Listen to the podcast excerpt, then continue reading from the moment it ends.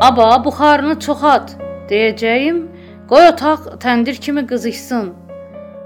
Anam məni bu halda görəndə tez yün köynəyimi gətirib məni dalmamağa başlayacaq. Bala, sənə demədim ki, hava payızlayıb, qış paltarlarını götür. Hey dedin Zəngəvanın maşın yolu var, tez qayıdacağam.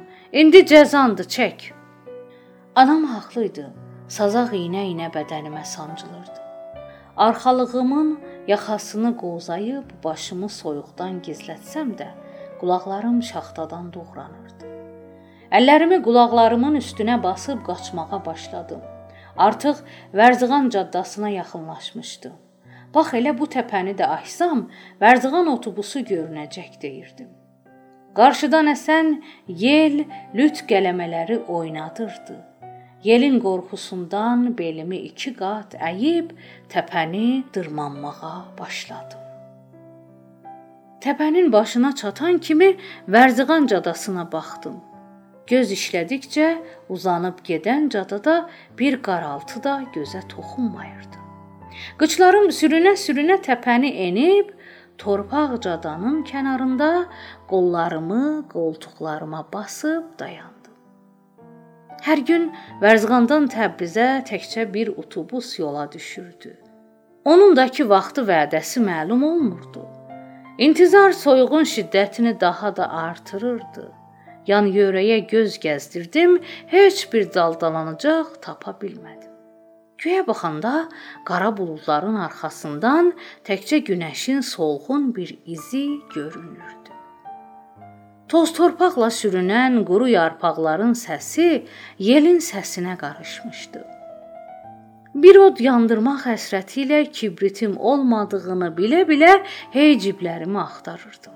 Birdən cadanın otayında bir təpənin dalısında bir qoyun sürüsünə gözüm sataşdı. Sevincək sürüyə tərəf qaçmağa başladım. Hələ sürüyə biraz qalmış kibrit, kibrit deyə bağırsam da çoban başını buladı. Bəlkə eşitmir deyə biraz da irəli gedib əllərimi gözünün qabağında ovuşduranda "Valımdı" dedi sən odunluq gətilim ola. Tez-tez biraz çör-çöp yığıb, quru yarpaqları da altına doldurub çağırdım, gəlib çatdı. Xırdaca bir oğlandır. Yün börkünün içində şəvə kimi gözləri par-par parıldayır. Adım Xududur, dedi. Kibrit qutusunu əlindən alıb açarkən yerimdə donub qaldım. Qutuda təkcə bir dana çöp qalmışdı. Bu yelli havada bir təkcə kibritlə od yandıra biləcəyimə mütləq inanmasam da, ocağın dibində dizə çöküb arxalığımı çıxarıb başıma çəkdim.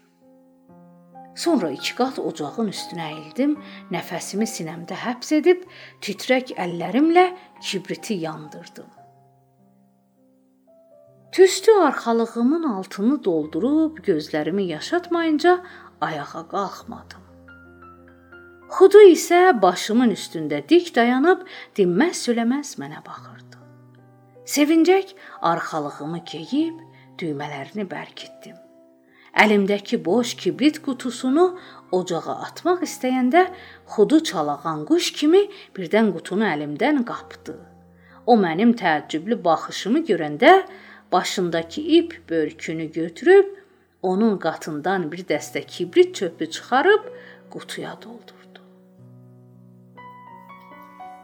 Mənsə təəccüblə ona baxarkən yerimdə quruyub qalmışdım. Məni belə görəndə xudunun ağappaq dişlərinin arasından çıxan şirin sözləri onun şirin gülüşünə qarışdı. Nandılanmasaydım bilin də biləcəydim.